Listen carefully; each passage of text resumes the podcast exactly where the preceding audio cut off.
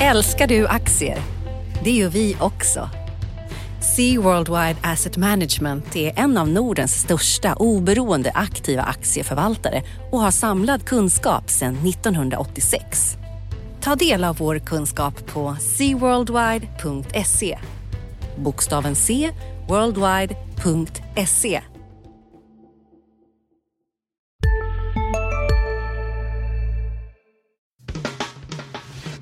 Analyspodden från Dagens Industri. Hej allihopa! Eh, denna påskvecka och välkommen till Dagens Industris analyspodd med mig Ulf Pettersson och eh, Johanna Jansson. Hejsan Johanna! Hej hej! Hallå, allt väl? Ja, allt bara bra. Vi har ett stort påskägg att öppna här i Analyspodden idag, eller hur? Det finns eh, mycket grejer, både läskiga och roliga saker att prata om, eller hur? Ja, eh, det finns det faktiskt. Jag tycker att eh, eh, det här har ju ändå varit en politikervecka, även om vi liksom brukar prata om, om eh, börs och finans och sånt där. Är det inte liksom är det inte politik, liksom internationell och, och nationell politik som, är, som har varit grejen och kanske kommer vara grejen också? Eller om du skulle liksom vilja sätta dagordningen för Jo, men det, jag tycker absolut att vi ska prata om politiken idag. Det är storpolitik eh, på gång och sen så eh, kan vi väl prata lite om vad det har haft för effekter på olika marknader. Eh, sen kan vi väl prata lite centralbanker och valutor. Det har ju även påverkat på börsen, eller hur? Absolut. Kronan mm. är svag igen, eller ännu svagare igen.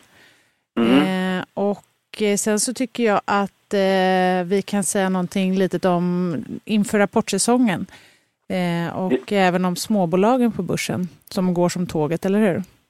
Just det, de, är, de har utklassat redan starka storbolag här och det är, liksom, det är sånt där man brukar se. Så var det under börstoppen 07 och så brukar det vara liksom när det när det går bra. Så den, den, den är en intressant indikator på börsen tycker jag. Mm. Okej, okay, men ska vi köra eh, politiken då? Eh, vilket av alla dessa, eh, nu ska vi se här. Trump har mött Kina, eh, eh premiärministern där. Eh, hans utrikesminister har mött sin motsvarighet i Ryssland. Terrorattack i Stockholm. Frankrike-val och vad är det mer vi har haft här? Vi har ett G7-möte Just det. Eh, vad, vad, vad, tycker du, vad är det liksom, du är ju ändå liksom vår makro, som står för makrofrågorna här i den här podden. Vad är, vad är det du tycker liksom är mest spännande av de här?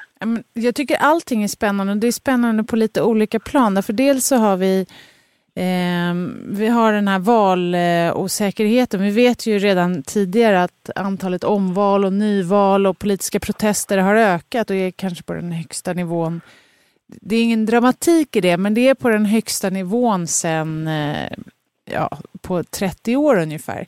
Och det visar ju att det här liksom lugnet som rådde mellan 95 till 2005, eh, politiska lugnet, eh, det, det är en ny tid nu och det speglas både då i de populistiska strömningarna som vi har sett i USA och Storbritannien och då inför de europeiska valen här men sen så är det ju också ovanpå det så kommer den här geopolitiska oron som man brukar kalla det, det vill säga spänningar mellan nationer som det vi ser mellan USA och Kina och med Nordkorea däremellan och sen även då mellan USA och Ryssland med Syrien emellan.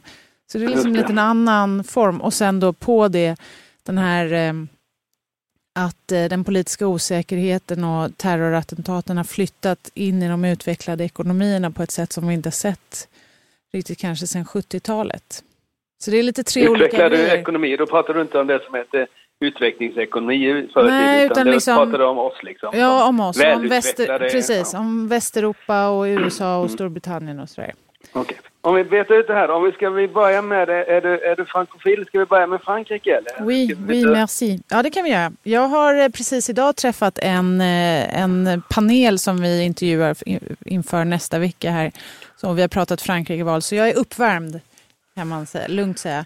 Men mm. Frankrike-valet det är ju liksom en eh, följetong i fyra delar kan man säga. Det är alltså då första, delen av, eller första omgången av presidentvalet där man då ska välja mellan, som det ser ut nu, fyra till fem kandidater.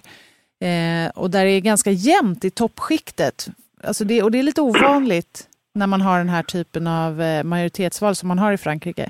Och det gör att det är lite stö det är stökigare än vanligt. Och då har vi då allt från högerextrema Marine Le Pen till vänsterrebellen då Jean-Luc Mélenchon som eh, båda ger marknaden skrämselhicka. Och den här veckan så har vi sett en isärspreadning då av eh, franska och tyska statsobligationer därför att man jag tänker sig vad händer om det blir så att eh, andra valomgången står mellan då en vänsterextrem och en högerextrem som båda vill ta landet ur euron och sätta sprätt på, på mer pengar i de offentliga finanserna. Det är som eh, Trump och den här Bernie Sanders med extra allt kan man säga om det ja, och... Precis, så kan man säga, absolut. Och det är väl fortfarande så, jag vet inte vad du säger, men alltså, börseffekterna är väl marginella på det här? Eller? Ja, du... det är de. Det är ju väldigt lugnt på marknaden. Alltså, det rör sig inte många tiondels procent per dag. Stockholmsbörsen var liksom... Eh, återigen så var den liksom några minuter över, över eh, liksom all time high. Men sen så föll den ner lite under eftermiddagen så vi har fortfarande inte nått riktigt all time high. Men, men den är på gott humör. Mm. Uh, och sådär. Och det gäller ju de övriga börserna också. Så där har man liksom ändå inte riktigt... Uh, det har man inte märkt. Det är svårt att prissätta det här, tänker jag. Alltså det, hur ska man prissätta? Det handlar om ja. Politisk risk. Det är, antingen så blir det bra med eh, Macron till exempel, även om han kanske inte kan få igenom så mycket av sin politik. Det beror ju på parlamentsvalet sen. Det var det jag skulle säga. Följetongen fyra delar. Först är det då två omgångar i presidentvalet och sen så är det två omgångar i parlamentsvalet och sen för ytterligare då så är det dessutom val till det franska överhuset till hösten. Ja. Och, så, och sen finns det en realitet också. Alltså det är, dels är det liksom vi, de som köpte aktier där i juni vid Brexit gjorde en bra affär. De som köpte aktier när, när Trump vann gjorde en bra affär. Så det är liksom inte så att skulle det liksom, jag vet inte vem som är värst av de här två eh, ytterlighetsvänstern eller ytterlighetshögern från ett marknadsperspektiv då. Men, men eh, man liksom, man har väl lärt sig att även om det blir så så är det inte säkert att det blir så mycket. För det, vi får se vad, vad de kan åstadkomma och, och, och sådär. Så det är lite svårt som sagt. Som det är väl en skillnad om man, om man säger, ja, men jag tänk, det är väl också en stor skillnad när, när sån här politisk risk träffar de, de mer avancerade ekonomierna är att vi har system som håller de här politiska vildarna i schack på ett annat sätt. Men, mm, men det är ändå så att stegen till att Frankrike verkligen skulle rösta för att gå ur euroområdet, de är många och det är inte så himla lätt som Marine Le Pen ger sken av att det skulle vara nej, precis men Brexit, att... alltså det går ju faktiskt. Engelsmännen har ju visat vägen. Jo, fast de är inte med i euron och det är en helt annan femma. Nej, det är klart. Ja, och, ja, eh, ev, ev, mm. Men jag tänker också att det som är hela populismens eh, liksom poängen med populismen är att man får komplicerade saker att låta enkla. Man tar upp en fråga och så säger man så här, det här tror jag på, det här ska driva och jag ska minsann visa att det här är inga problem. Och sen så när man väl får makten så visar det sig att det inte är så himla lätt. Precis som att Trump har svårt att få igenom sina reformer så kommer det, skulle det vara svårt för Marine Le Pen att driva igenom en euroomröstning. Därför att hon ja, behöver men, också men om det, blir, om det blir en folkomröstning då, om, man folkomröstar, vad blir svaret då bland fransoserna idag? Ja, om man skulle fråga idag och givet det som de säger i enkäter så skulle det bli så att de stannar. Det är lite kluriga här då är att eh, fransmännen är EU-skeptiska men europositiva. Däremot om man tittar man lite ännu längre söderut och tittar på Italien, då är det tvärtom. De är EU-positiva men euroskeptiska. Så att eh, än så länge så har ju marknaden liksom blundat lite för, eller vad ska man säga, man, har, man, man tittar på en sak i taget och då, nu tittar man på Frankrike och så tittar man inte så mycket på Italien där det också ser ut som det kan bli val inom det närmaste året och där de också har partier som den här femstjärnerörelsen som också vill ta landet ur euron.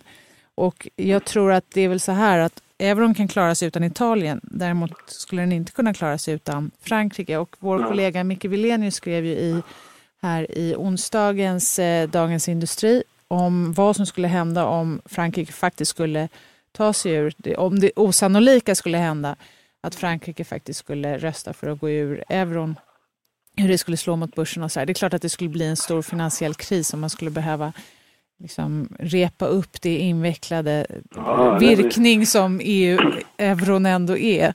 Men, mm. men, men än så länge så är det ganska liten sannolikhet för det. Men det är klart, det finns, ju, det finns väl ingen valuta som har levt för evigt. Så det, det kommer liksom... Alltså, så här, det euron finns... kommer också försvinna någon ja, gång. Det, men så är det. Den är ju liksom... Eller nej, det, alltså jag vet inte. För det är klart att inga valutasamarbeten har levt för evigt. Men skillnaden mellan euron och tidigare valutasamarbeten är ju att euron är en egen valuta. Förut har man ju haft mm. liksom, samarbete med så syntetiska valutor där man ändå haft kvar sina mm. liksom, självständiga centralbanker, man har haft sina valutor och sådär. Så ja. det är en skillnad. Nej, vet, men, eh, ja, det var ett enormt stort projekt i euron här. Men eh, ja, vi får se. Eh, spännande. Ska vi ta nästa grej då? Vad är det mer vad det gäller Frankrike? Valet då, presidentvalet i Frankrike som man har sett lite, lite stigande räntor i Frankrike visar vi Tyskland. Mm. Ulf, jag vet inte vad du tror, men alltså, är det inte lite så att europeiska börser borde vara högre värderade om man inte hade den här politiska oron? Alltså det har legat lite som en våt filt över aktievärderingen, ja, jag, eller? Jag, jag, tror att man liksom, det är lite som, som man alltid ska tänka, det du inte kan, det du inte kan påverka ska du inte bry dig om lite grann. Jag vet inte, alltså att det är lite att Nej, jag, jag, tror att skulle det bli liksom, säg Le Pen eller, eller han, eh, som jag inte kan uttala längst bort till vänster där. eh, eh, ja. då, då, då smäller ju, då, det sa jag i och för sig vid, vid Trump och Brexit också, men då, då, då bör då är det blivit tredje gången gilt, då tror jag att vi kommer att få se en viss oro. För då är det ju liksom som sagt då är det euron och då kommer vi få se en ganska stor påverkan på räntemarknaden och sen så liksom mm. Men som det är nu så syns det lite på räntemarknaden, det syns inte särskilt mycket. Brexit påverkar att... pundet, eh, det här franska valet påverkar räntemarknaden och börsen tar det ganska lugnt. Får man ja, säga. det så kan man säga. Och du, vad är med då? Eh, dagens Trump, vad är det som är han ja, påverkat precis. marknaden på något sätt eller kan göra nästa vecka eller efter, efter helgen här. Ja, alltså det som händer eh, i veckan som kommer kanske inte har så mycket med Trump att göra men lite politik är det ju för att Världsbanken och IMF har vårmöten i Washington så det kommer ju vara en del högdjur som är där och pratar ihop sig om eh, och det kan ju ändå bli intressant här hur eh, de stora länderna i världen samarbetar framöver givet den här då, osäkerheten som ändå seglar omkring. För att vi har ju, alltså vi har ju en konjunkturförbättring, den syns och jag tror att den mm. beror mycket på att Kina återhämtade sig under förra året. Kanske ja. mer än på eh, den här optimismen kring, kring Trump, utan mer ja. om att Kina återhämtade sig. Och samtidigt så har vi då den här ökade politiska osäkerheten som liksom, det, det står mellan, mellan de här, det, det blir spänningar mellan de här två effekterna. Mm. Så att, eh, men det kommer man säkert prata om där i Washington och Magdalena Andersson ska dit bland annat och representera Sverige. Eh, men, eh, men annat än det så, ja det här med Nordkorea, jag vet inte, det påverkar väl lite, det, liksom man blir lite mindre riskbenägna marknader ändå i veckan får man väl säga. Oljepriset är lite högre, eh, räntorna utom i Frankrike då. Det känns liksom inte som att Nordkorea fäller liksom eller finansvärlden. Nej, men däremot kan man, man kan ändå säga så här, Sydkorea det är ändå världens nionde största ekonomi och står ja. för 3% ungefär av global handel. Den marknaden har påverkats ganska ordentligt. Sista dagarna nu på vårens stora season sale. Passa på att göra sommarfint hemma, både inne och ute och fynda till fantastiska priser. Måndagen den 6 maj avslutar vi med Kvällsöppet i 21. Välkommen till Mio. Nu släpper vi en ny podd. Expressen Dock. Einar han, han går in i fel gård, förstår du? Och sen där, en annan skytt jag tror kommer emot honom och, och fortsätter skjuta. Lyssna på premiäravsnittet. Mordet på Einar, det sista vittnet. Med mig, krimreporter Nina Svanberg. Hon började skrika på mig. Backa hon började säga. Så vad, vad hände? Så hon bara, han är död. Så jag bara, vad säger du för något? Så hon började skrika, han är död. Så jag sköt honom nu en meter. Lyssna i appen eller där poddar finns.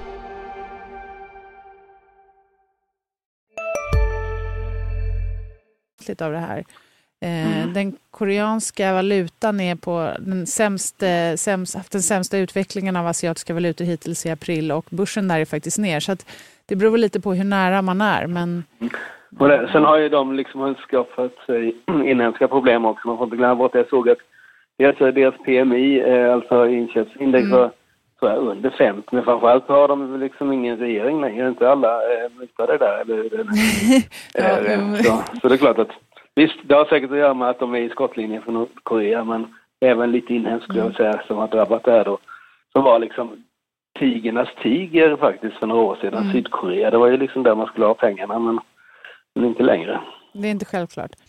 Ja, men okej. Men så Stockholmsbörsen som du sa nosar på nya all time high och småbolagen går bra. Hur positiv ska man vara till börsen framöver då? Ska man tro mer på lite... konjunkturoptimism än politisk oro?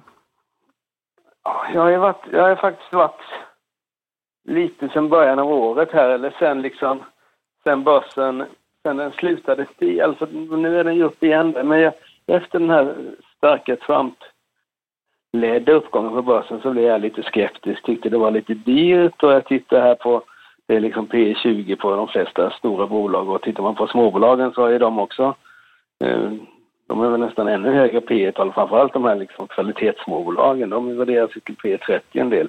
Eh, det är ju högt då, men å andra sidan så är det så att man förväntar sig vinstlyft på 10, 15, 20 procent i år och då liksom faller ju P-talet snabbt och räntan ska förbli låg. Så det är det här gamla som man har pratat om i flera år. Men jag är lite skeptisk, men marknaden känns ju faktiskt väldigt stark här. Det är ju små rörelser och och vi tycks stiga liksom 0,2-0,3 varje dag. Så det är liksom, så den är stark. Den är osedvanligt stark av någon anledning. Jag vet inte om det beror på alla dessa pengar som har tryckts eh, runt om i världen som, som nu kanaliseras till aktiemarknaden på något sätt. Eller vad, det har de väl gjort hela den... tiden. Alltså centralbankernas tillgångsköp som har liksom ja. kommit in. Någonstans ska pengarna placeras helt enkelt. Ja, och det, de har ju hamnat på aktiemarknaden. Nu verkar de dessutom ha hamnat på, seriöst på svenska småbolag här då, då den, alltså småbolagsindex har ju gått klart mycket bättre här. Och det, så, det, det ser man alltid. Man såg det liksom innan 99-2000, innan den stora vändningen 07 så gick det också så innan, innan det vände ner och nu är det då 17 här. Så, så brukar det vara. De, eh, småbolag rör sig alltid mycket mer. De faller snabbare när det börjar vända neråt och de stiger eh, mer i uppgångsfaser och speciellt i slutet av uppgångsfasen. Så det är liksom inget, det är inget onaturligt men det som är tråkigt är att det brukar vara liksom en, ett ganska tydligt eh, tecken på att börsen är, att det är fem i tolv för börsen så att säga, att det är i slutet av en, av en uppgång här. Och jag, jag, jag, är inte, jag är inte, jag tycker liksom, om man varit med i marknaden så har man tjänat en jäkla massa pengar och har man inte varit med i marknaden så så tror jag man är filstigen. Så jag är liksom lite skeptisk men, men som sagt var, jag är ganska ensam om det för det känns väldigt starkt med tanke på de små rörelser och små uppgångar vi har lite hela tiden. Den känns väldigt, väldigt Men om jag lyssnar på er börsexperter här då som jag brukar podda med, både dig och Magnus Dagel och Martin Blomgren, alltså, så tycker jag ändå att ni är ni brukar variera lite hur optimistiska eller pessimistiska ni är, men jag tycker en, en gemensam nämnare verkar vara att ni säger att det är dyrt och det finns de här tecknen på ja, men, småbolagen som värderas högt och tar man bort liksom andra stora bolag som ligger lågt värderat så är snittet på börsen också ganska högt. och så där. Ni låter lite skeptiska. Det, finns det någonting som är prisvärt just nu, tycker du? Ja, jag har satt köp på ett ett sånt där bolag som... Jag, jag tänker lite att man kanske i det här läget kanske man ska ha bolag som är... Om man nu liksom, om man hade varit en långförvaltare som det heter, alltid mm. 100% aktier, eh, då skulle jag väl kanske köpt eh, bolag med låga P tal för det är liksom, ska vi säga, ska vi säga lite sämre kvalitet då. För dels så, så borde liksom, skulle börsen fortsätta upp så är det de som dras med mot slutet och sen så faller det ner så är de låga P talen lite en kudde. Jag såg här, om man tittar på storbolagen eh, så det finns då de här A-ligan, alltså de, de riktigt bra bolagen. Det är alltså Abloy, Alfa, Alfa Laval och Atlas Copco. De har deras P20 på 2019 års vinst, alltså tre år bort ungefär, två och ett halvt. Mm.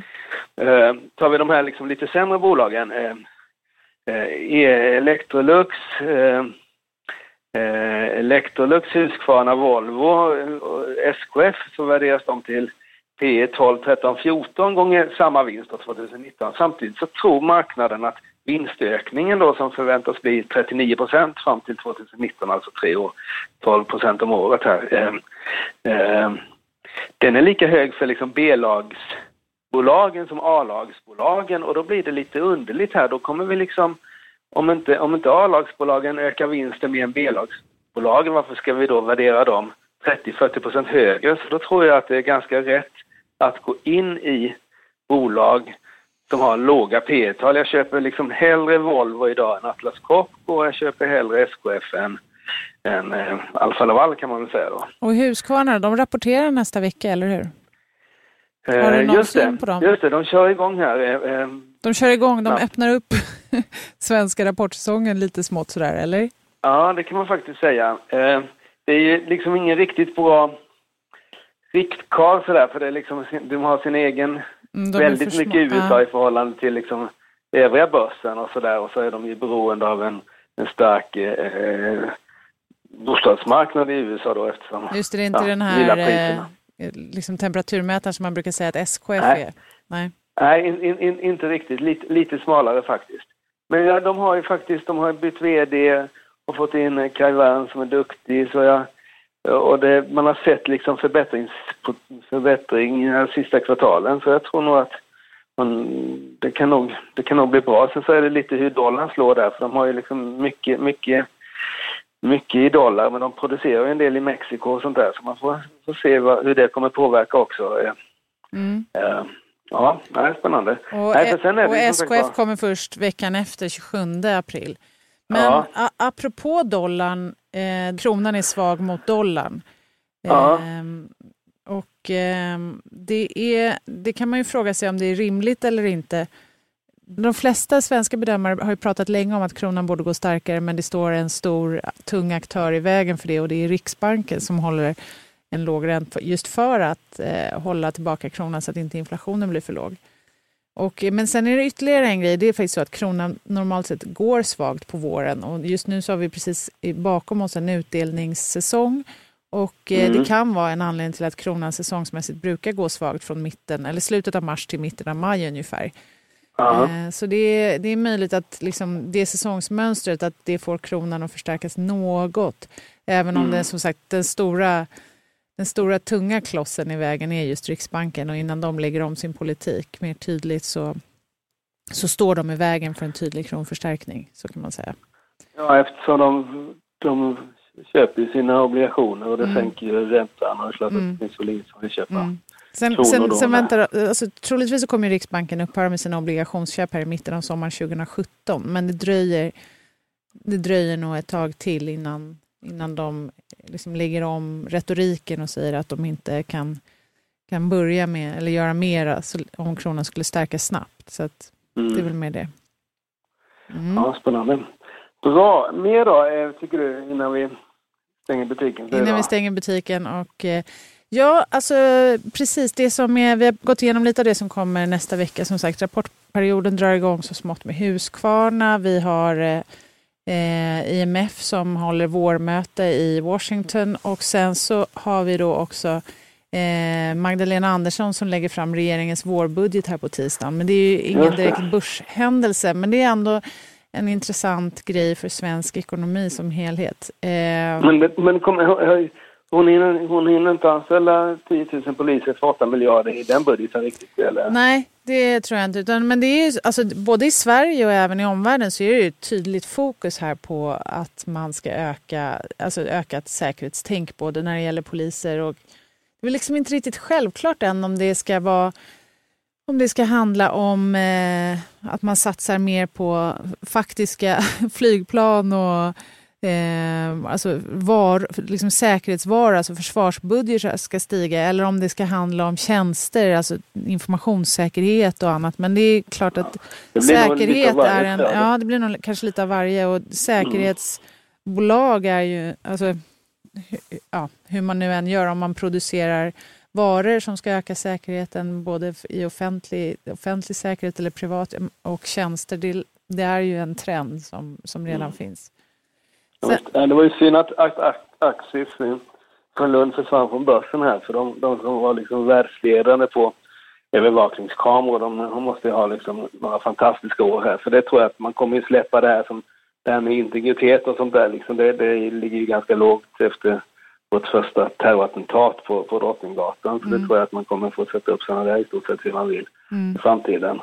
Så det är klart att det, det kommer ju det kommer hända mycket eh, där. Och även försvarsbudgeten också. Det är, det är liksom tydligt. Alltså jag tror att det där och det är ganska stort. Vi har väl haft, du kan väl det bättre än mig, men vi har väl haft ungefär halva anslaget till försvaret mot vad liksom NATO har eller sådär. Vi hade ju ett, ett stort rejält försvar en gång i tiden, men det har ju liksom det tog ju borgarna ner ganska rejält. Så jag tror Ja, att vi nu vänder ju delvis. Nu bara här i dagarna så får ju den första årskullen här återigen inkallningspapper. Så vi får väl se hur... eh, Just det, det- och det är ju den stora... En stor var- kostnadspost är ju faktiskt att hantera alla de här människorna som då ska eventuellt in i ett...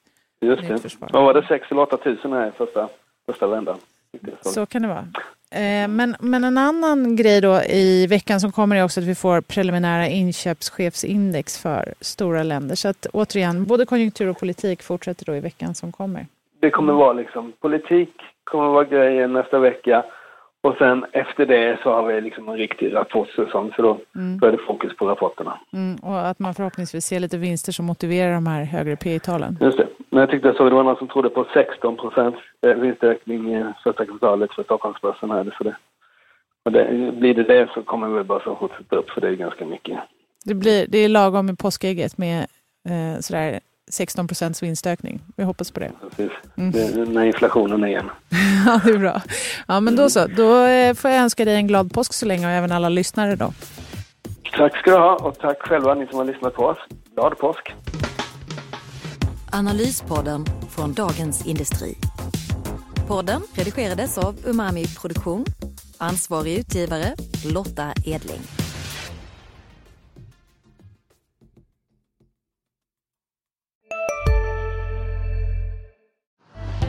Älskar du aktier?